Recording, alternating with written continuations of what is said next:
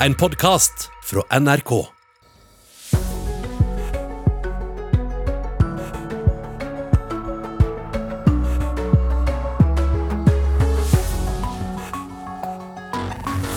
God mandag morgen. Mange gnir ferien ut av øynene i dag og er i gang igjen etter, etter, ferien. For en herlig følelse. Blant nyhetene i dag så er at eh, Nasjonalt kunnskapssenter om vold og traumatisk stress vil ha et register over hvem som er rammet av alvorlige hendelser som terror og naturkatastrofer. Hensikten er å kunne ta bedre vare på folk. Så Det er en rar følelse å ikke være inkludert. Og det er jo heller ingen sin feil fordi det her er sensitiv informasjon. Koronasmitten øker fortsatt her i landet. Det er delta-varianten som dominerer nå. Hva betyr det for gjenåpningen av landet? Direktøren i Folkehelseinstituttet skal forsøke å svare oss på det. Og skolepolitikk. Det kan bli et krevende forhandlingstema i et eventuelt borgerlig regjeringssamarbeid etter valget til høsten. KrFs skolepolitikk skiller seg nemlig vesentlig fra Venstre og Høyre. Vi skal selvfølgelig også gi deg siste nytt fra OL. Dette er Nyhetsmorgen. Jeg heter Silje Katrine Bjarkøy. Det er behov for en bedre oversikt over hvem som rammes av alvorlige hendelser som terror og naturkatastrofer. Det mener forskningsleder ved Nasjonalt kunnskapssenter om vold og traumatisk stress, Grete Dyb. Hun tar til orde for å opprette et katastroferegister. I dag så er det litt tilfeldig hva slags informasjon vi har om hvordan ofre etter traumatiske hendelser har det over tid, sier hun. Vi vet ganske mye nå om langtidskonsekvenser av å være rammet av sånne alvorlige hendelser. Eh, og at vi må ta inn over oss at vi trenger et bedre system for å følge med over tid, og at denne informasjonen bevares. Forskningsleder ved NKVTS og prosjektleder for Utøya-studien, Grete Dyb, forteller at de ved oppstarten av studien fikk lister fra politiet over hvem som hadde vært på Utøya. Dette er så godt som den eneste sentrale oversikten over hvem som ble berørt etter skytingen på Utøya, men heller ikke denne lista er komplett. Og det er jo en tilfeldighet hvem som orka å delta på forskninga til NKVTS og ikke i tida etter 22.07. Det sier styremedlem i Oslo Arbeiderparti og Utøya-overlevende Torunn Kanutte Husvik. Hun opplevde selv å ikke få invitasjon til minnekonserten på tiårsmarkeringen for 22. Så det er en rar følelse å ikke være inkludert. Og det er jo heller ingen sin feil. Fordi det her er sensitiv informasjon. Listene til NKVTS er taushetsbelagte av personvernhensyn og strengt regulert til forskning. Det betyr at de bare eksisterer så lenge forskningsprosjektet pågår. Dyb mener også at både pandemien vi nå er inne i, og katastrofer av nyere dato, viser behovet for et sentralt register som kan sikre ofrene rett helsehjelp. Per i dag, og både Utøya-studien og nylig eh, den, det store leirskredet vi hadde i Gjerdrum, viser at vi har et stykke å gå når det gjelder å følge opp i forhold til helsehjelp over tid. Dyb sier en kommune som Gjerdrum ikke kan forventes å ha tilstrekkelige ressurser til å gi god nok psykososial oppfølging over tid. Torunn Kanutte Husvik i Oslo Arbeiderparti ledet også fylkeslagets arbeid med 22. juli, og sier hun har følt på dårlig samvittighet for dem de ikke klarte å nå. Samtidig mener hun det ikke bare kan være partiets ansvar å nå ut med informasjon. Det sitter mange som ikke har kontakt med verken AUF, Arbeiderpartiet eller støttegruppa, da er det avgjørende at vi har et system som plukker dem opp. Det skal ikke være sånn at en 15-åring som var på Utøya, er nødt til å ha et livslangt forhold til Arbeiderpartiet for å bli invitert på ting som er viktig. Helsedirektoratet skriver i en e-post til NRK at etablering av et katastroferegister vil være snakk om en lengre prosess, der både faglige og ikke minst juridiske vurderinger inngår, men at det samtidig er ønskelig å kunne dokumentere flere erfaringer fra katastrofehåndtering og oppfølging av disse. Det finnes helseregistre og andre typer registre som på en veldig god måte ivaretar personvernet. Og dersom man ikke ønsker å være registrert på en sånn liste, så kan man reservere seg og bli sletta. Ja, Det sa forskningsleder Grete Dyb til slutt der. Og reporter her, det var Kristine Næss Larsen. Nå skal det handle om eh, koronasmitten, for eh, smitten fortsetter å øke her i landet. Det er eh, Det ble altså registrert 240 nye smittetilfeller i går, det er 104 flere enn forrige søndag. Den siste uken så er det i snitt registrert 312 nye smittede per dag, og det er drøyt 100 flere enn det det var uken før. Det er nå delta-varianten av koronaviruset som dominerer. Frode Forland, fagdirektør i Folkehelseinstituttet, god morgen. God morgen. Du, dette er altså de høyeste tallene siden mai. Mm. Hvor alvorlig er det at vi ser at uh, tallet på smittede nå går opp, nå som de kanskje burde gått ned? Ja, det er for så vidt forventa etter vi har fått denne delta-varianten inn i landet for fullt. Og det har egentlig skjedd bare for en, de to siste ukene. Så tallet har jo ligget på ca. 1200 i veka siden begynnelsen av juni. Og så steg det til ca. 1400 i forrige uke, og nå ser det ut til å bli litt over 2000 den siste veka. Eh, og situasjonen er ikke så alvorlig lenger når vi får en smitteøkning, fordi at eh, de aller fleste som er utsatt for å kunne bli alvorlig syke, er nå vaksinert. Altså selv om blir, eh, det blir flere syke, så blir vi ikke så syke som ja. tidligere? Det, det, er veldig mange færre som blir alvorlig syke. Og de som får smitten nå, er jo i alt eh, i det aller meste unge voksne som ikke er vaksinerte, og som har vært kanskje litt for ivrige med å være tett sammen og på fester på utelivet. Så situasjonen er prega av flere litt, eh, kan kalle, litt større utbrudd i mange kommuner. Eh, og, og, De sliter jo litt med å få slått ned smitten, men totalt sett i landet så er det jo kanskje 320 kommuner som har et stabilt nivå eller nedadgående nivå. Men Betyr det likevel at vi får en ny smittebølge, en fjerde smittebølge nå? Ja, når vi skal kalle det en bølge er jo mer en definisjonssak, men vi har en økt smitte, sånn som du legger fram i forhold til tallene. Eh, og eh, Hvis vi ser bare på smittetallene, så er det jo en økning. Hvis du ser på tallene for innlagte i sykehus eller døde, så er det jo foreløpig ingen økning. Men eh, dette da, uansett hvordan vi leser tallene, hva vil det bety for gjenåpningen av samfunnet? Blir det vanskeligere? Ja, vi ønsker jo å ha smitten under kontroll, og på mange måter så har vi jo det nå. og også er det, så er det slik at eh, nå er 83 av de over 18 år fått tilbud om minst én dose. Og I løpet av en par uker så vil snart alle ha fått det. Og etter tre uker etter første dose så er en jo òg godt beskytta mot alvorlig sykdom. Og Det gjør jo på mange måter at en har en ganske god kontroll i situasjonen. Men det kan fortsatt være usikkerhet knytta til f.eks. nye varianter som kan komme inn. Ja, ifølge rapporter fra USA så blir også fullvaksinerte både smitta selv i like stor grad, og de smitter også da like mye videre som uvaksinerte. Hva tenker du om det? Ja, Det blir jo ikke smitta i like stor grad, men det er alltid sånn at uh, ingen vaksine er 100% effektiv. Og av de som blir smitta, og det vil alltid være noen, så er det slik at en finner at de kan ha like mye virus i nese og svelg som andre som er syke, og kan i sånne tilfeller smitte videre. Men vaksinen beskytter godt både mot smitte til andre og ikke minst mot alvorlig sykdom. Men eh, så var du, vi var jo inne på dette her med hvem som blir smittet, og det var de unge, mm. sier du. Eh, vaksinering av barn og unge. Mm. Eh, flere land vaksinerer og nå barn ned mot tolv års mm. alder. Når blir det klart om Norge også kommer til å gjøre det? Ja, vi, vi, holder på med en utredning på det, og vi må nøye vurdere fordeler og ulemper eh, på det å vaksinere barn. Barn blir jo mindre syke, og da har det et annet forhold av nytte og kostnad i forhold til de som blir alvorlig syke, som er de eldre og voksne. Så Det jobbes med dette, og vi vil ha klar en utredning om dette til regjeringen er klar til å ha en beslutning. og Det har de sagt at de vil komme med når de er ferdige å vaksinere de andre prioriterte gruppene. Så det vil ikke bli klart før nærmere høsten da, om 16-17-åringer som f.eks. skal på utveksling eh, blir vaksinert? Jeg tror at det vil komme når, eh, når, de andre har fått tilbud om vaksine, sannsynligvis i slutten av august, begynnelsen av september. Takk skal du ha eh, for at du kom hit til Nyhetsmorgen til oss, Frode Forland, fagdirektør i Folkehelseinstituttet. Instituttet. Vi skal eh, fortsette å snakke om, eh, om, eh, korona, for Kroatia blir nå regnet for å være det tryggeste ferielandet langs Middelhavet, og det siste store grønne ferielandet for nordmenn. Men nylig så testet 94 personer fra Østerrike positivt på korona etter at de deltok på en populær festival, og frykten for er stor nå for at smitten kommer til å eksplodere langs Kroatia-kysten de neste ukene. Dette er også grunnen da til at kroatiske myndigheter nå strammer inn reglene for eh, kystfylkene, med f.eks. avgrensninger for eh, hvor mange som kan eh, møtes, og myndighetene oppfordrer også folk til å ta en vaksine. Roger Severin Bruland, hvorfor er det så lite smitte i Kroatia?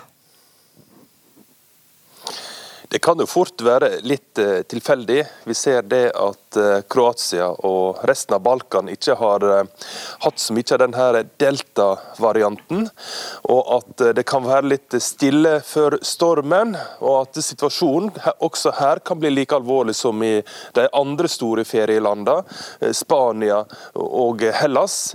Men foreløpig så slår jo myndighetene seg på brystet her og sier det at kom til oss. Vi er det tryggeste ferielandet rundt eh, Middelhavet. Men samtidig så advarer de jo sin egen befolkning om at nå må vi skjerpe oss, nå må vi være forsiktige, slik at det ikke kommer en stor eh, smitteeksplosjon etter denne store eh, turisthøgsesongen.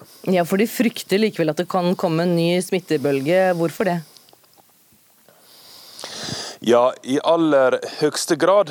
Og nå ser vi det at disse her store rockefestivalene her i kystfylka til Kroatia har ført til smitte i Østerrike og Tyskland. Og nå er det jo en million turister i Kroatia, folk fra alle verdenshjørner som blandes. Samtidig som at eh, vaksinasjonsgraden er jo relativt lav. Den ligger jo langt under EU-gjennomsnittet. slik at eh, en eh, har f.eks. bare 60% av helsepersonell er vaksinert. Eh, og Det kan jo bli kritisk hvis en får nye utbrudd. Hvordan skal du beskytte helsesektoren?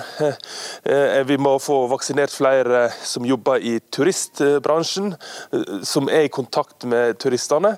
Og så ja, kommer det nye tiltak nå. En strammer inn hvor mange som kan eh, samles.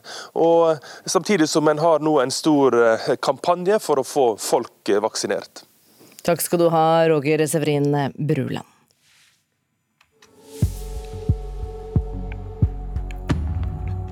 Det skal handle om eh, OL og sport nå, for Eivind Henriksen er klar for finale i sleggeøvelsen i OL, etter at han kasta 78,79 meter i kvalifiseringen i natt. 30-åringen eh, forbedret den norske rekorden på sitt da ene kast i kvalifiseringen. Setter han på rotasjonen, full fart på den og sleggen ut. Ser ut som den går høyt og langt, og oi, det er, kan oi. være norsk rekord! Han er automatisk kvalifisert for finalen på første forsøk. Vi har vel sjelden sett han bedre noen gang. 78,25 er norsk rekord. Det kan være norsk rekord på Eivind Henriksen. Og han får 78, 79, ny norsk rekord, og han er en medaljekandidat. Det er Jan Post og Vebjørn Rodal som eh, kommenterte fra Tokyo. Reporter Christian Arnesen Strømshoved, eh, du er med oss eh, her hjemme for å følge med på OL. Det var et fenomenalt kast av Henriksen? Ja, det var jo veldig godt oppsummert av de to som er i, Tokyo og kommenterer det her. Sjelden sett han bedre. Eh, forbedrer sin eh, personlige rekord med over en halvmeter. Eh, soleklar norsk rekord, og han gjør unna kvalifiseringen på ett kast. For det er sånn at Hvis du kaster lenger enn 77,5, så er det direkte kvalifisert. Det gjorde han på e-kast, og det var han veldig fornøyd med. Han sa det i bakkant av konkurransen at da kan jeg dra hjem, slappe av, hvile og la det opp. Så, så han, han, seiler opp som en medaljekandidat. Og fra norsk rekord i slegge, da, så til det som ja, så lenge lå an til å kunne bli verdensrekord i rifleskyting, men som, som endte i et drama. Ja, jeg kom egentlig litt andpusten inn her nå, for det har vært noen eh, voldsomme minutter. Det har vært kvalifisering rifle i helmatch, altså 50 meter fra skytter til blink. 40 skudd eh, knestående, 40 skudd stående og 40 skudd liggende. Eh, Jon Herman Hegg og Henrik Larsen de har vært med der. Sistnevnte, Larsen, han lå an etter den liggende skytinga, altså andre runde av disse tre, til å ta verdensrekord. Altså, han skjøt så fantastisk bra, så rakna dessverre helt. Det ble åttere, det ble syvere, eh, egentlig over hele blinken på, på, siste runde der. Og bare for å skyte inn, det er tieren midt i ja, som er eh, målet. Helt riktig. Eh, så de skuddene gikk litt ut fra sentrum. Eh, så han klarte faktisk ikke å kvalifisere seg. Så han lå an til å ta verdensrekord, men så ble det verken finale eller noen ting. Var det kne eller stående som som ble det vanskeligste for han? Det ble stående. Det ble stående. Ja. Gode norske prestasjoner i eh, nattetimene uansett, selv om det røyk på der. Eh, hva kan vi se fremover hvis vi ser litt innover i dagen? Hva er det vi kan glede oss til? Nei, da, vi fikk jo da én av to. Eh, Jon Herman Hegg han er klar for finalen i rifle helmatch. Den får du fra klokken ti på ti. Og så går det slag i slag, halv to. Da er det Amalie Juel. Hun er klar for semifinale på 400 meter hekk og skal prøve å ta det til en finale. Og så skal håndballkvinnene møte Japan klokken halv tre, før Karoline Bjerkeli Grøvdal skal løpe finale på 5000 meter. Takk skal du ha, reporter Christian Arnesen Strømshoved. Mye å glede seg til i dag, også.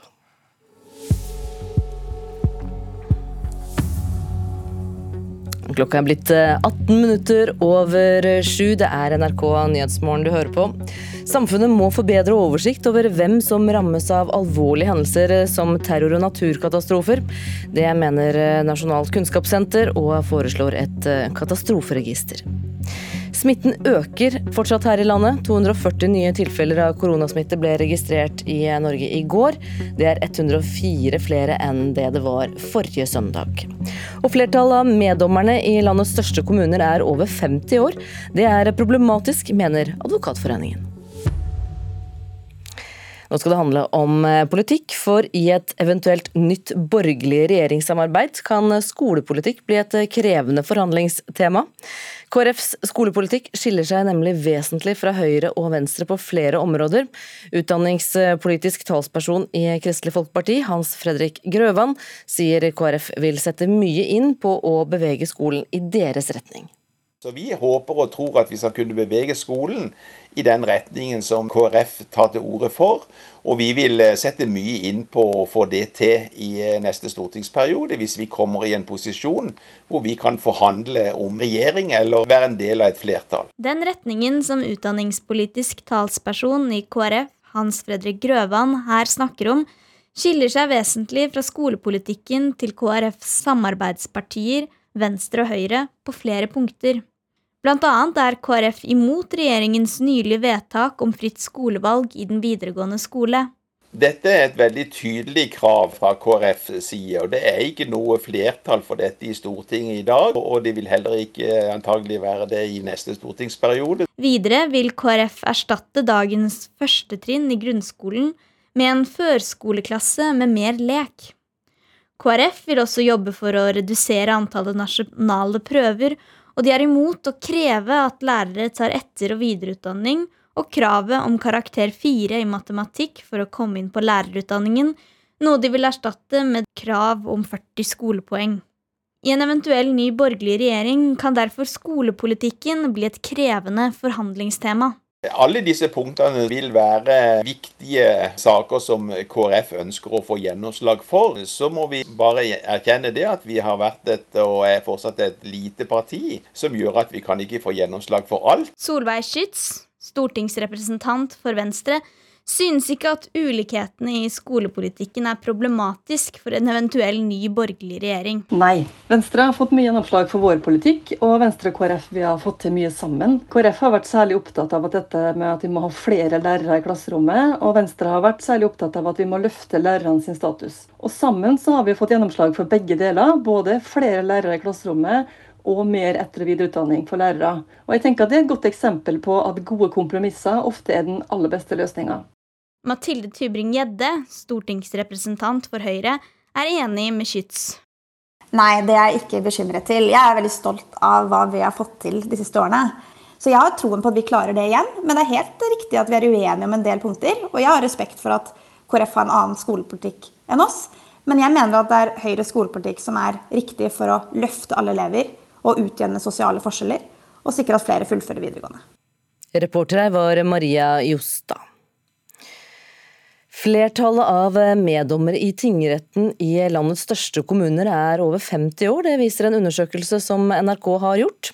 Advokatforeningen advarer mot et rettssystem som er dominert av eldre. Drammen kommune skiller seg ut. Der har man satset bevisst på å få flere unge meddommere, som bl.a. 21 år gamle Alisha Javid. Eh, den yngre garden sitter jo med erfaring som de eldre kanskje ikke sitter med. Og så har vi jo så mange saker med elsparkesykler for tiden. Og, og, jeg tror at de yngre kan kjenne seg igjen i det, og, og hvilket ansvar som følger med der. da. Det sier 21 år gamle Alisha Javid. Hun er meddommer i Drammen tingrett og dømmer i rettssaker sammen med vanlige dommere. Så, så fort jeg fylte 21, så tok jeg kontakt og søkte, og da fikk jeg jo muligheten til å stille til tjeneste. En undersøkelse NRK har gjort blant landets ti største kommuner, viser at unge meddommere som Alisha utgjør et mindretall. Over halvparten av meddommerne i landets største kommuner er i 50- og 60-årene. Marius Ditriksson, leder i forsvarergruppen i Advokatforeningen, mener dette er problematisk. Det er kommunene som har fått ansvaret for å klargjøre disse listene for domstolene. Og det er meningen at det er vanlige folk som eh, skal fylle disse listene, og ikke et slags eldreråd. Unge mennesker skal også, skal også inn på listen. Han mener meddommerordningen er viktig for å gi legitimitet til rettssystemet. Man får inn helt verdifulle synspunkter også, som også kan komme til nytte. Eh, i den enkelte sak. Vanlige folk skal være representert i straffeprosessen. Ferske tall fra SSB viser at over 75 000 unge under 29 år fikk en straff av rettssystemet i 2020. Den yngste aldersgruppen utgjør hele 26 av dem som ble straffedømt i fjor. De dømmes da hovedsakelig av meddommere som er flere tiår eldre enn dem. Ditriksson mener meddommerordningen ikke fungerer hvis det bare er noen i befolkningen som er representert. Men ordningen fungerer jo ikke hvis listene ikke reflekterer befolkningen. Men Drammen er en av kommunene som har tatt problemet på alvor. De har bevisst ønsket å rekruttere flere unge, og har nå en andel på 23% unge meddommere i sitt utvalg. Det er rette veien å gå, mener Alisha. Må jeg jo si da at Drammen kommune har jo eh, klart å være litt flinkere nå som de nye har blitt valgt inn nå for fireårsperioden. De har i hvert fall tatt i bruk, sosiale medier og og nettsidene til kommunen. Og det er jo i hvert fall ett steg frem. Reporter, det var Bror Remen. Nå skal det handle om gjenbruk av hus, for Ørland i Trøndelag skal få en helt ny bydel.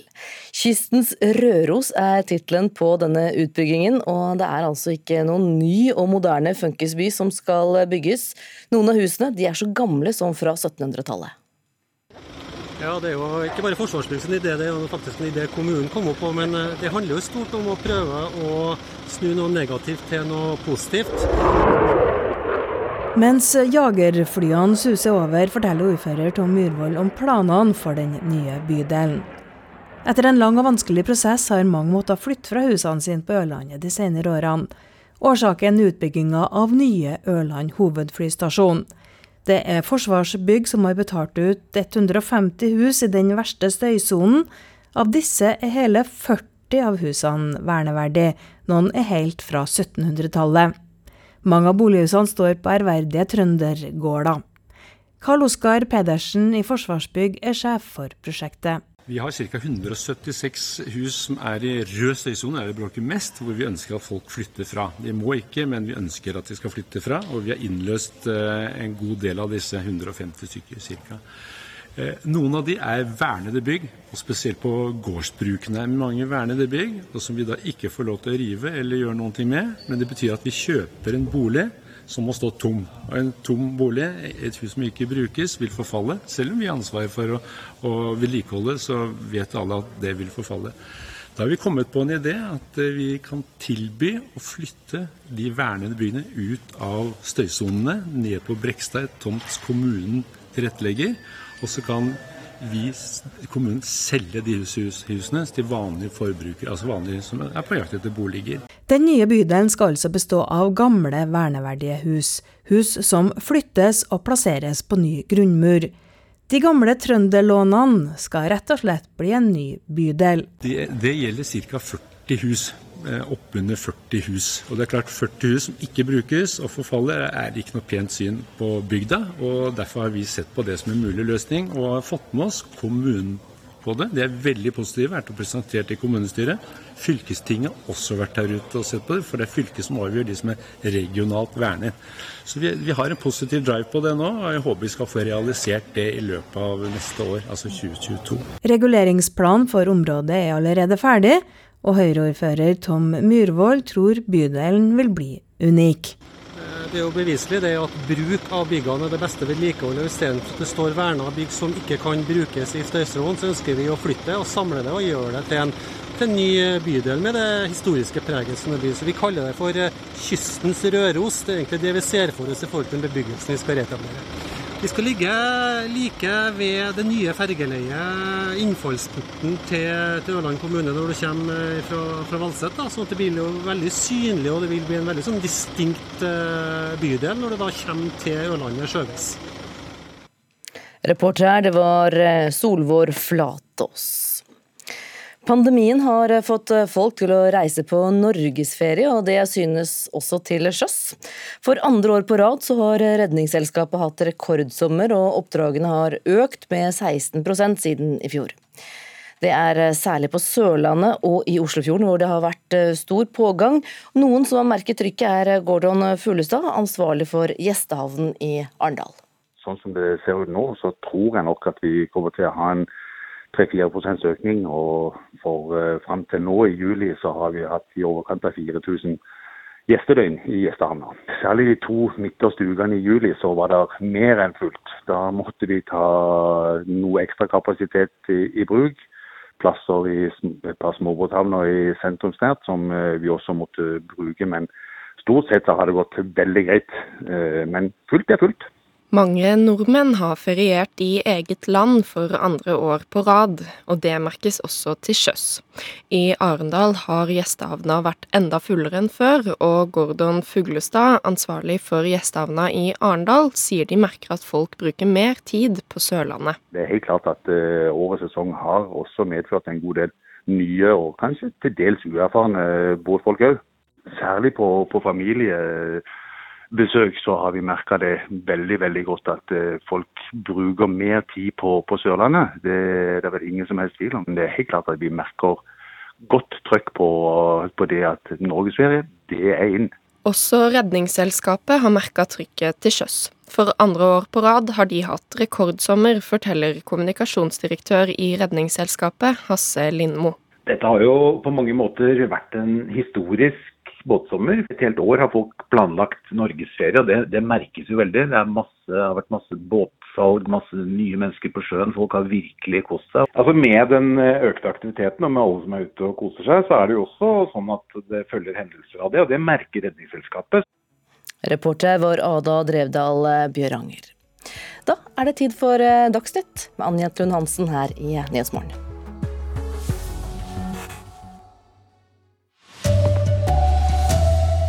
Trenger et eget register over de som er rammet av terror og katastrofer, mener Nasjonalt kunnskapssenter om vold og traumatisk stress.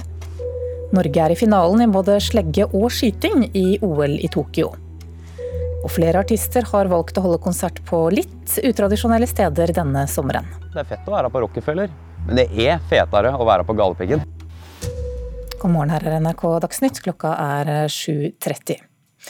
Det er behov for en bedre oversikt over hvem som har vært rammet av alvorlige hendelser som terror og naturkatastrofer. Det mener forskningsleder Grete Dyb ved Nasjonalt kunnskapssenter om vold og traumatisk stress. Hun mener vi må opprette et katastroferegister for å sikre at ofrene får den helsehjelpen de har krav på. Vi må ta inn over oss at vi trenger et bedre system for å følge med over tid, og at denne informasjonen bevares. Forskningsleder ved NKVTS og prosjektleder for Utøya-studien, Grete Dyb, forteller at de ved oppstarten av studien fikk lister fra politiet over hvem som hadde vært på Utøya. Dette er så godt som den eneste sentrale oversikten over hvem som ble berørt etter skytingen på Utøya, men heller ikke denne lista er komplett. Og det er jo en tilfeldighet hvem som orka å delta på forskninga til NKVTS og ikke i tida etter 22.07. Det sier styremedlem i Oslo Arbeiderparti og Utøya-overlevende Torunn Kanutte Husvik. Hun opplevde selv å ikke få invitasjon til minnekonserten på tiårsmarkeringen for 22.07. Så det er en rar følelse å ikke være inkludert. Og det er jo heller ingen sin feil fordi det her er sensitiv informasjon. Listene til NKVTS er taushetsbelagte av personvernhensyn og strengt regulert til forskning. Det betyr at de bare eksisterer så lenge forskningsprosjektet pågår. Helsedirektoratet skriver i en e-post til NRK at etablering av et katastroferegister vil være snakk om en lengre prosess, der både faglige og ikke minst juridiske vurderinger inngår. Det finnes helseregistre og andre typer registre som på en veldig god måte ivaretar personvernet. Og dersom man ikke ønsker å være registrert på en sånn liste, så kan man reservere seg og bli sletta. Reporter her, det var Kristine Næss Larsen. I OL i Tokyo er skytter Jon Herman Hegg videre til finale i rifle helmatch. Det ble klart for få minutter siden. Og reporter Christian Arnesen Strømshoved, Hegg endte altså som en av de fem beste i kvalifiseringen. og Det betyr at han er en av favorittene i finalen? Ja, absolutt. Det er en eh, marginal idrett. Det er mye skudd som skal skytes. Det er små blinker. 50 meter er det fra skytter til blink. Det er både knestående, liggende og stående. Eh, men eh, Jon Herman Hegg han ble nummer tre i kvalifiseringen, og da lukter vi kanskje medalje om noen timer. Og så har vi fått en medaljekandidat i slegge også. Ja, absolutt. Eivind Henriksen han startet eh, tidlig japansk tid og veldig veldig, veldig tidlig norsk tid i natt eh, med å kvalifisere seg eh, ved å kaste altså, altså halv meter lenger enn sin personlige rekord. Det var en soleklar norsk rekord. 78-79 ble lengden. Da er den direkte kvalifisert, for kaster du lenger enn 77,5 meter, da går du rett videre. Det var han veldig fornøyd med, både med, med rekord, formen og at han slapp å bruke altfor mye tid på Olympiastadion i, i Tokyo. Ja, for da holdt det med ett kast, rett og slett? Ja, det gjorde det. Eh, når du treffer på første, da, da var det godt nok. Ok, Takk skal du ha, reporter Christian Arnesen Strømshoved. Koronasmitten i Norge stiger fortsatt. 240 nye tilfeller ble registrert det siste døgnet, og det er 104 flere enn for en uke siden. Det er delta-varianten av viruset som gjør at smittetrenden stiger, sier fagdirektør Frode Forland i Folkehelseinstituttet situasjonen er ikke så alvorlig lenger når vi får en smitteøkning, fordi at eh, de aller fleste som er utsatt for å kunne bli alvorlig syke, er nå vaksinert. Det er veldig mange færre som blir alvorlig syke. Og de som får smitten nå, er jo i det aller meste unge voksne som ikke er vaksinerte, og som har vært kanskje litt for ivrige med å være tett sammen og på fester på utelivet. Så situasjonen er prega av flere litt, eh, kan kalle, litt større utbrudd i mange kommuner for så vidt forventa etter vi har fått denne her delta-varianten inn i landet for fullt. Og det har egentlig skjedd bare for en, de to siste ukene. Så tallet har jo ligget på ca. 1200 i veka siden begynnelsen av juni. Og så steg det til ca. 1400 i forrige uke, og nå ser det ut til å bli litt over 2000 den siste veka. Men Betyr det likevel at vi får en ny smittebølge, en fjerde smittebølge nå? Ja, Når vi skal kalle det en bølge er jo mer en definisjonssak, men vi har en økt smitte, sånn som du legger fram i forhold til tallene. Eh, og eh, Hvis vi ser bare på smittetallene, så er det jo en økning. Hvis du ser på tallene for innlagte i sykehus eller døde, så er det jo foreløpig ingen øke. Intervjuer her, det var Silje Katrine Bjørkøy. Skolepolitikk blir en krevende forhandlingstema i et eventuelt nytt borgerlig regjeringssamarbeid. KrFs skolepolitikk skiller seg vesentlig fra Høyre og Venstre på flere områder. Utdanningspolitisk talsperson i KrF Hans Fredrik Grøvan sier at de vil sette mye inn på å bevege skolen i sin retning. Så Vi håper og tror at vi skal kunne bevege skolen i den retningen som KrF tar til orde for. Den retningen som utdanningspolitisk talsperson i KrF hans Fredrik Grøvan her snakker om, skiller seg vesentlig fra skolepolitikken til KrFs samarbeidspartier Venstre og Høyre på flere punkter. Blant annet er KrF imot regjeringens nylige vedtak om fritt skolevalg i den videregående skole. Dette er et veldig tydelig krav fra KrFs side. Videre vil KrF erstatte dagens førstetrinn i grunnskolen med en førskoleklasse med mer lek. KrF vil også jobbe for å redusere antallet nasjonale prøver, og de er imot å kreve at lærere tar etter- og videreutdanning, og kravet om karakter 4 i matematikk for å komme inn på lærerutdanningen. I en eventuell ny borgerlig regjering kan derfor skolepolitikken bli et krevende forhandlingstema. Solveig Schytz, stortingsrepresentant for Venstre, synes ikke at ulikhetene i skolepolitikken er problematisk for en eventuell ny borgerlig regjering. Nei. KrF har vært særlig opptatt av at dette med at vi må ha flere lærere i klasserommet, og Venstre har vært særlig opptatt av at vi må løfte lærerne sin status. Og sammen så har vi fått gjennomslag for begge deler, både flere lærere i klasserommet og mer etter- og videreutdanning for lærere. Reporter her, det var Maria Jostad.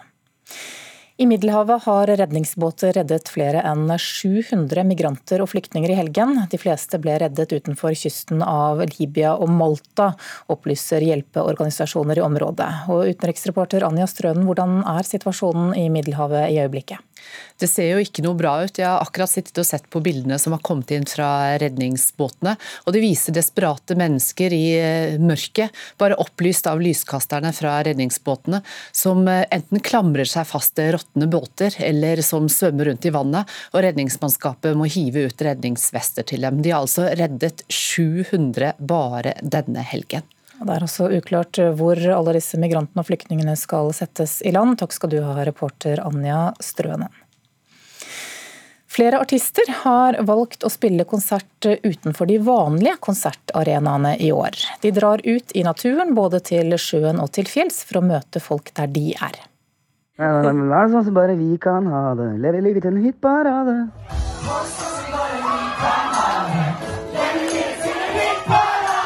Vidar Villa er en av flere artister som holder sommerkonsertene sine på utradisjonelt vis.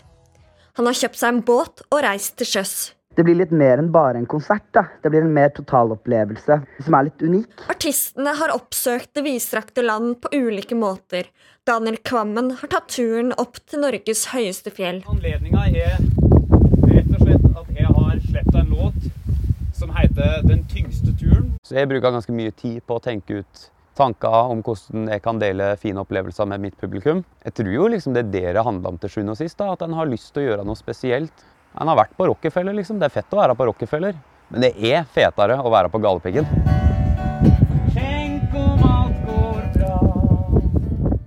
Konseptet blir stadig viktigere for artister, mener musikkviter Audun Molde. En totalopplevelse vil antagelig huskes bedre, og dermed være god markedsføring for artisten. Og så blir det jo en historie. sant? Vi snakker om det nå, og du får en fortelling. Husker du at Daniel Kvammen spilte på Galdhøpiggen? sant? Du lager en fortelling som folk husker.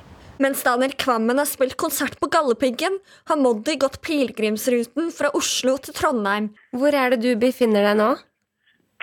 Aner ikke. Hvor langt er det du har gått, da? 40 km fra Trondheim omtrent.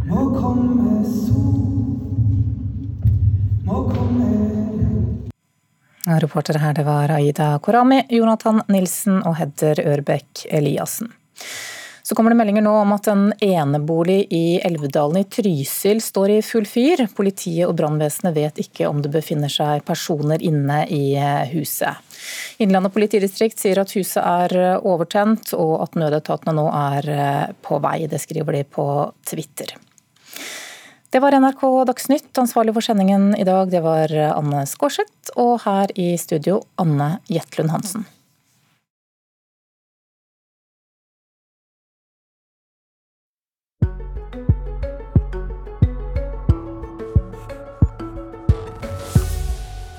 Gratisreklame er for mange god drahjelp til suksess. Jeanette Aurdal fra Ålesund driver en håndverksbedrift i England. The Oak and Rope Company selger eksklusive håndlagde produkter i eik. Bedriften går godt, mye takket være gratis reklame fra den britiske kongefamilien og et Instagram-fenomen på Sunnmøre.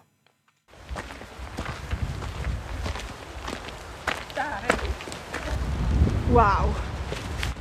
Janette Aurdal går opp grusvegen i den vegløse bygda Trandal. Her henger ei huske som har blitt et Instagram-fenomen.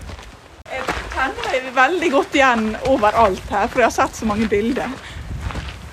Aurdal kommer opprinnelig fra Ålesund, men driver et firma i England som selger håndlaga gaveartikler i eik. For noen år siden fikk Aurdal se bilder av huska på Trandal, og forelska seg i motivet. På bilder ser det nesten ut som du svinger langt ut over fjorden og opp mellom fjella i Sunnmørsalpene. På impuls laga hun en ny huske, eller disse som hun kaller det, og sendte den til Norge som ei gave. Når jeg ser sånn som dere driver på her, så var det liksom Ja, klart jeg trenger verdens beste disse her inne, for det er verdens beste plass. Ja. Så da, da, sender vi dem bare, og så ser vi hva som skjer. Det satte vi stor pris på. det jo Husker heng på tunet til reiselivsbedriften Christian Gård. Driver Lenita Storeide møter oss med et smil. Det, det, det er på en måte Markedsføringa vår er jo blitt inne, og den har jo gått viralt uten at vi har gjort noe. Så det er jo den som på en måte har eh, løfta opp alt. da. For Det har vært lokalt besøk før. Det vi har levd av. Og så eh, egentlig veldig lite fra utlandet, og veldig lite fra andre deler av Norge. Men eh, når dette første bildet ble delt, da, så bare tok det helt av. Folk kommer enn særen til Trandal for å ta bilde. Det har gitt begge selskapene mye oppmerksomhet. For Aurdal og The Oak Rope Company i England er det ikke første gang de har fått god reklame helt gratis. Hun sier dette er den nest mest kjente huska hun har laga. Den mest kjente så står det William and Catherine. Og den 11. april 2011. Og det var um, prins Charles som kjøpte til um, sønnen uh, sin i bryllupsgave. Og så ble den disse verdensberømt når han, prins George sto på den på treårsdagen sin. Og det var bursdagsbildet hans. Nummer tre i arverekka til den britiske tronen tok portrett stående på huska. Professor Tor Andreassen ved Norges handelshøgskole sier verdien av slik markedsføring er unik. Og det er formidabelt. I dette kjendishierarkiet altså er det sånn de kongelige er jo da på toppen av, av pyramiden.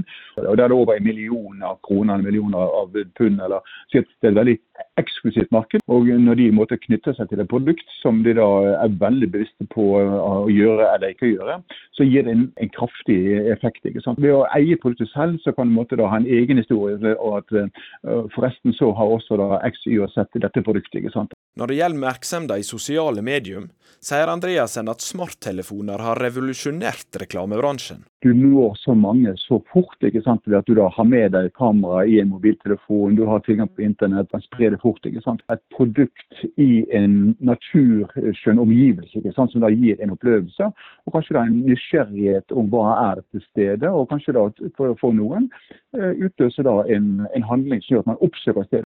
Nå er det Janett Aurdal som oppsøker staden, for å prøve gåva som har betalt seg tilbake mange ganger. Jeg tror jeg må stå på. OK. Hei! Oh, wow. Oh my God. This is amazing. You gotta give it a go. It's actually quite different to any other. Reporter her, det var Per Ivar Kvalsvik.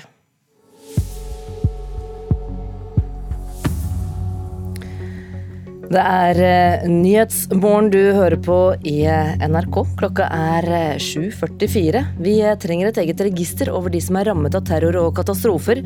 Det mener Nasjonalt kunnskapssenter om vold og traumatisk stress. Sleggekaster Eivind Henriksen er klar for finale i OL i Tokyo etter en ny norsk rekord. Og smitten den øker her i landet fortsatt. 240 nye tilfeller av koronasmitte ble registrert i Norge i går. Det er 104 flere enn forrige søndag. Klokka er altså straks kvart på åtte. Håvard Grønli er klar i studio og med sine gjester i Politisk kvarter.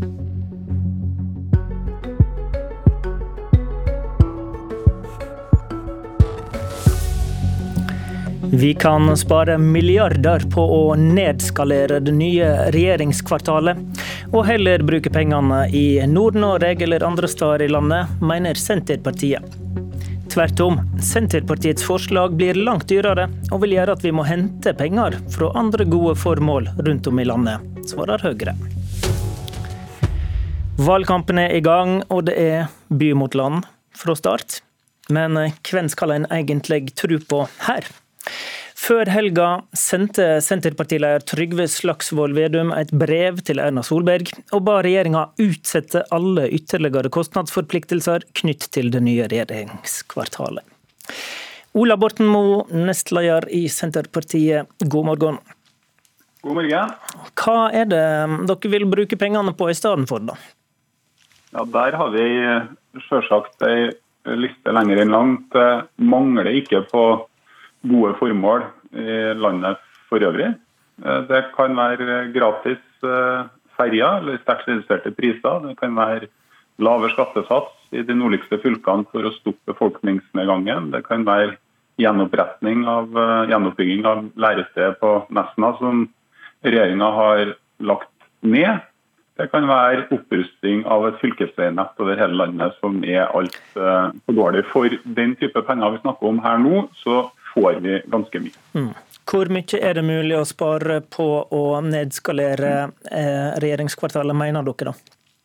Nei, Vi har jo våre anslag på hva vi tror det kan være mulig å ta ned. og Det vi tror det er at vi kan lande på et kostnadsnivå som ligner på det som regjeringa opprinnelig trodde at regjeringskvartalet skulle koste. Det vil si at vi fremdeles bruker 15-16-17 milliarder på nytt regjeringskvartal i Norge.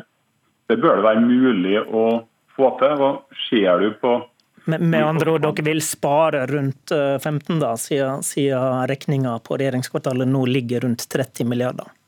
Ja, og det er jo før eh, avsetning til usikkerheter. og Er det jo én ting vi har lært oss med store offentlige byggeprosjekt i Oslo, så er det jo det at eh, de ofte sprekker. Og da opererer du jo med tall på opp mot 40 milliarder kroner.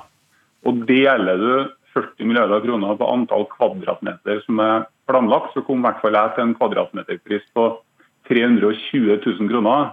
Og Det betyr jo at ei leilighet på 100 kvadrat med den kvadratmeterprisen vil koste 32 millioner. Så her er det jo eh, også en kritikk eh, av at det er ingen som tenker kostnader. Det er ingen som ser hvor lite vi tross alt får igjen, hvor lang tid det tar. Eh, og jeg syns jo at det er veldig rart. Nå feirer vi ikke feira, det er helt feil uttrykk. Vi markerte tiårs eh, Eh, ti år etter 22.07. Eh, det er først nå vi så vidt har begynt å bygge i Oslo. I USA så var World Trade Center ferdig 13 år etter terrorhendelser som, som skjedde der 11.9. Vi kommer til å ha en byggeplass i Oslo sentrum de neste ti årene. Jeg har en veldig stygg mistanke om at eh, når staten holder på i Oslo, så blir det både veldig veldig dyrt, og det tar veldig veldig lang tid. Okay. Staten, det er for tida kommunalminister, eh, kommunal- og moderniseringsminister Nikolai Astrup fra eh, Høyre. Eh, Astrup, vi får ta dette brevet først. Vil du vente med å, å inngå avtaler om nye kostnader til stortingsvalget er gjort? Altså Stortinget, Vi må jo forholde oss til de vedtak som Stortinget gjør. og Stortinget har jo vedtatt at uh, vi skal videre i dette prosjektet. Det er jo brukt 4-5 milliarder allerede, og det er inngått kontrakter på, på flere bygg. Så uh, Det er ikke aktuelt nå å gjøre noe annet enn det Stortinget har bedt regjeringen om å gjennomføre. Og Det betyr uh, å fortsette å, å inngå kostnadsforpliktelser? da? Ja, altså det, er, det, er, ikke noen nye kostnadsforpliktelser nå mellom, mellom, nå og valget, men det er jo inngått kontrakter allerede eh, på flere bygg. og Vi har investert 4-5 milliarder i, i, grunnen og i riving av bygg og klargjøring til, til byggetrinn 1. og Vi er i full gang med rehabilitering av, av Høyblokka. så så uh, Dette prosjektet er jo godt i gang. Uh, men uh, det viktige her er jo at det, det Borten Moe presenterer, er jo en grov overforenkling av dette prosjektet. La oss starte med kostnaden per kontorarbeidsplass. Den er helt på linje med helt andre, vanlige kontorbygg i i, eh, i, eh, i sentralt, ja. sentralt, i Oslo. Så, og, så det, og grov overforenkling, det, det, var vel for så vidt et høflig begrep. Du, du har omtalt det hele til NRK som populistisk vås, eh, men det høres jo relativt logisk ut at det koster mindre å bruke det en har, da, framfor å bygge nytt. Mm. Hvorfor er det ingenting å spare på Senterpartiets idé, mener du da? Det er fordi Det som drar opp kostnaden i dette prosjektet, det er sikkerhet. Eh, Og eh, Det Senterpartiet velger å se bort fra, det er at hvis vi skal sitte permanent der vi i dag sitter midlertidig, så må de arbeidsplassene sikres på en helt annen måte enn det, de, enn det som er gjort i dag. Og Det innebærer at du må kjøpe eiendom, eh, omkringliggende eiendom for anslagsvis rundt 20 milliarder kroner. Det innebærer at du må eh, rehabilitere eh, bygg eh, og sikre bygg for rundt 15 milliarder kroner. Og Da er det oppe i en merkostnad på 35, og så kan du trekke fra det da Senterpartiet ikke ønsker å bygge likevel. Og da er vi sånn, Et røft anslag tilsier at Senterpartiets modell vil koste 25 milliarder kroner mer enn det som ligger på bordet nå. Ok, Ola Borten, vi, skal, vi, skal, høre med Ola Borten Moe. Eh, dere ser bort fra eh, at det er kostnader ved å eh, gjøre det dere foreslår, nemlig at da må man bruke andre bygninger? Staten har jo allerede massevis av bygg i, i Oslo. Det er jo delvis der departementene holdt til den dag i dag. og Det så vi jo også etter terroraksjonen for ti år siden. Man klarte jo å løse. og Mitt departement den gangen, da Olje- og energidepartementet, var jo et eksempel på det. Vi flytta jo fra R4 og opp til NVE-bygget på Majorstua. Men, men, alt dette har jo vært midlertidig, Borten Moe. og da, da, er Astrup sitt poeng at da må en, en gjøre sikringstiltak eh, rundt disse bygningene, som sikkerhetslova eh, pålegger. Ja, og det er helt sikkert mulig å få til, eh, tror vi, eh, innenfor rimeligere rammer eh, enn det man ser nå. Men man ser jo også andre typer kostnader enn det Astrup snakker om nå, Det har jo gått helt i taket. Altså, ventilasjonsanlegget koster jo like mye som en eh, middels norsk småby snart. og Det samme kan man jo si om den varmeløsninga der man skal bore seg ned til sjøen for å få sjøvann bare til regjeringskvartalet. Det er jo litt sånn i Norge at når staten setter i gang og bygge og lage store prosjekt, så lager man en spektliste som nesten er umulig å oppfylle. og Man stiller krav som eh, ingen andre forholder seg til. og Så blir det veldig veldig kostbart, enten man kjøper redningshelikopter eller helikopter til Forsvaret, eller i dette tilfellet da, nytt regjeringskvartal. Astrup. Ja, dette, det, dette, handler jo til syvende og sist om eh, sikkerhetsloven. Og Så vidt jeg forstår, så ønsker ikke Senterpartiet å endre sikkerhetsloven. Senterpartiet stemte for sikkerhetsloven, og nå er spørsmålet ønsker de å følge opp eh, ord med handling. Eh, og eh, Hvis de ønsker å endre på sikkerhetsloven og si at vel, vi er villige til å akseptere en, langt høyere risiko enn det som sikkerhetsloven legger til grunn, så må de si det. Men jeg mener det er veldig uklokt, eh, særlig sett i lys av 22.07, som jo var en påminnelse om at selv det utenkelige kan skje hos oss. Og derfor så, Hvis vi legger sikkerhetsloven til grunn, og det er premisset, så må altså de byggene vi sitter i i dag sikres på en helt annen måte. Mange av de byggene leier vi. Eh, vi betaler nesten en halv milliard kroner i leie i året for de midlertidige lokalene som vi har. Hvis vi skal sikre dem der de er, så betyr det stengte kvartaler eh, sentralt i Oslo langt større konsekvenser for byen enn om vi eh, da velger å sikre ett kvartal. I dag er vi spredt på elleve ulike lokasjoner, eh, og Senterpartiets forslag vil være spredt på ti lokasjoner. Eh, det betyr at det er ti steder som skal sikres, det er ti kantiner, okay. det er ti ulike eh, altså Alle steder må ha administrative støttefunksjoner osv. Så, videre, så det er ekstremt lite effektivt å gjøre det på den måten som Senterpartiet til slutt, foreslår. Til slutt, Borten Moe, Utgangspunktet her er jo terroren. Norske byråkrater har jobba på lånte lokaler i, i ti år. Skulle vi ikke både de og hele landet egentlig å bygge opp igjen det som ble bomba fra oss?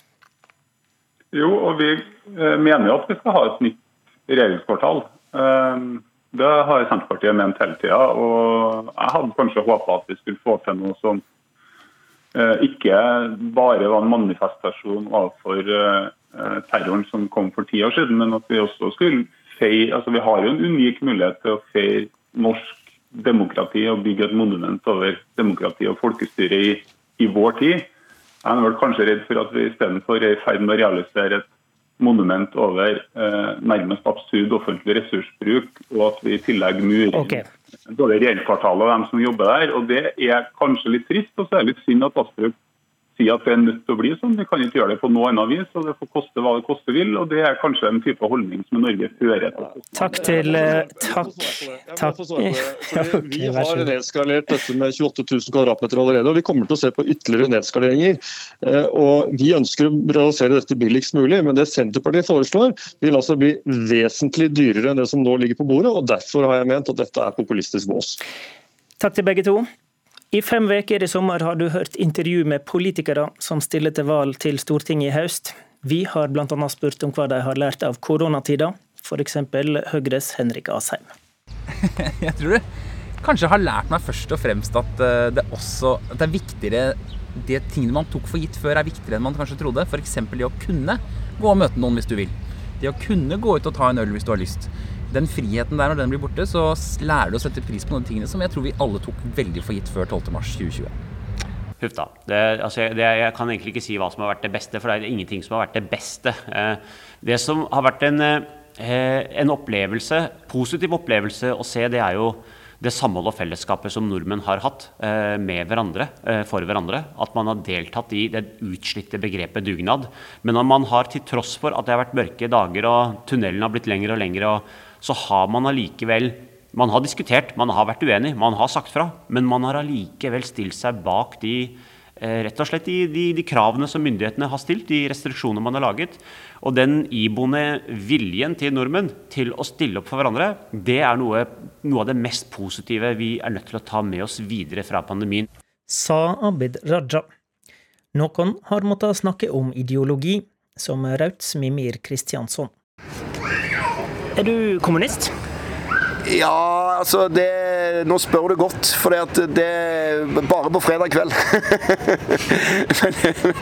så det, det, kan hende at jeg eh, er liksom i, i godt slag. men, men, eh, Hvor mange må du ha tatt deg for å kunne kalle deg kommunist? Nei, det var, var, var kommet litt ned i femteølen der, ja. Nei, altså Jeg er vel sosialist eh, mandag til fredag, og så er jeg eh, kommunist på, lørdag, på fredager og anarkist på lørdager, og på søndager så mye fullangst så da er jeg bare sosialdemokrat så FrPs Jon Engen Helgheim fortalte om livet som politiker uten utdanning. Jeg dro fra skolen og dro aldri tilbake igjen. Eh, da tenkte jeg at eh, da er det like greit å bruke tiden på noe inntektsbringende. Eh, så jeg begynte å jobbe isteden. Det med at du ikke gikk ferdig videregående, um, og heller ikke har tatt noe såkalt høyere utdanning, hvordan preger det deg som politiker nå? Nei, altså det tror jeg ikke. Det, det er veldig mange som tror, tror at jeg har uh, utdanning innen juss av en eller annen grunn. Og andre uh, de mener at jeg er en ubrukelig politiker fordi jeg ikke har noe utdanning. Og det er det mange meninger om. Det bryr jeg meg ikke så mye om. jeg har en praktisk tilnærming i det jeg driver med. Prøver å trekke erfaringer fra, fra ting jeg har lært, uh, inn i det jeg driver med. Og det er ikke noe i veien for å sette seg ganske godt og grundig inn i ting uh, på egen hånd. Hva skyldes det at MDG har fått mest makt i de større byene, men ikke i distriktene? Så det kan jo på en måte være litt sånn tilfeldig da, i forhold til at man har hatt eh, sterke lokallag med sterke kandidater og politikere som tilfeldigvis har bodd i by. Eh, og så kan det jo ha noe å gjøre med eh, hvordan folk forholder seg til klima- og naturkrisa, litt ut fra hvordan de bor, da. Sa MDGs Chris Rokkan Iversen. Kari Elisabeth Kaski vedgikk at en er jo ikke enig i alt i et parti, selv om en er i toppen. Ja, altså absolutt. Og det, det, sier jeg jo til alle folk jeg møter som liksom vurderer om de skal melde seg inn i et politisk parti eller bli med i SV, at vi er jo ikke eh, enig med alt det som partiet står, i, eller, står for, eller, eller kan mene at man skulle ha liksom vinkla ting litt annerledes. Det har jo vært ganske åpent at jeg skulle ønske at vi eh, hadde et litt annet standpunkt på vindkraft f.eks. Vært mer positiv til det. Og Kaski var en av 25 vi intervjua i Sommerkvarteret. Programleder i dag var Håvard Grønli.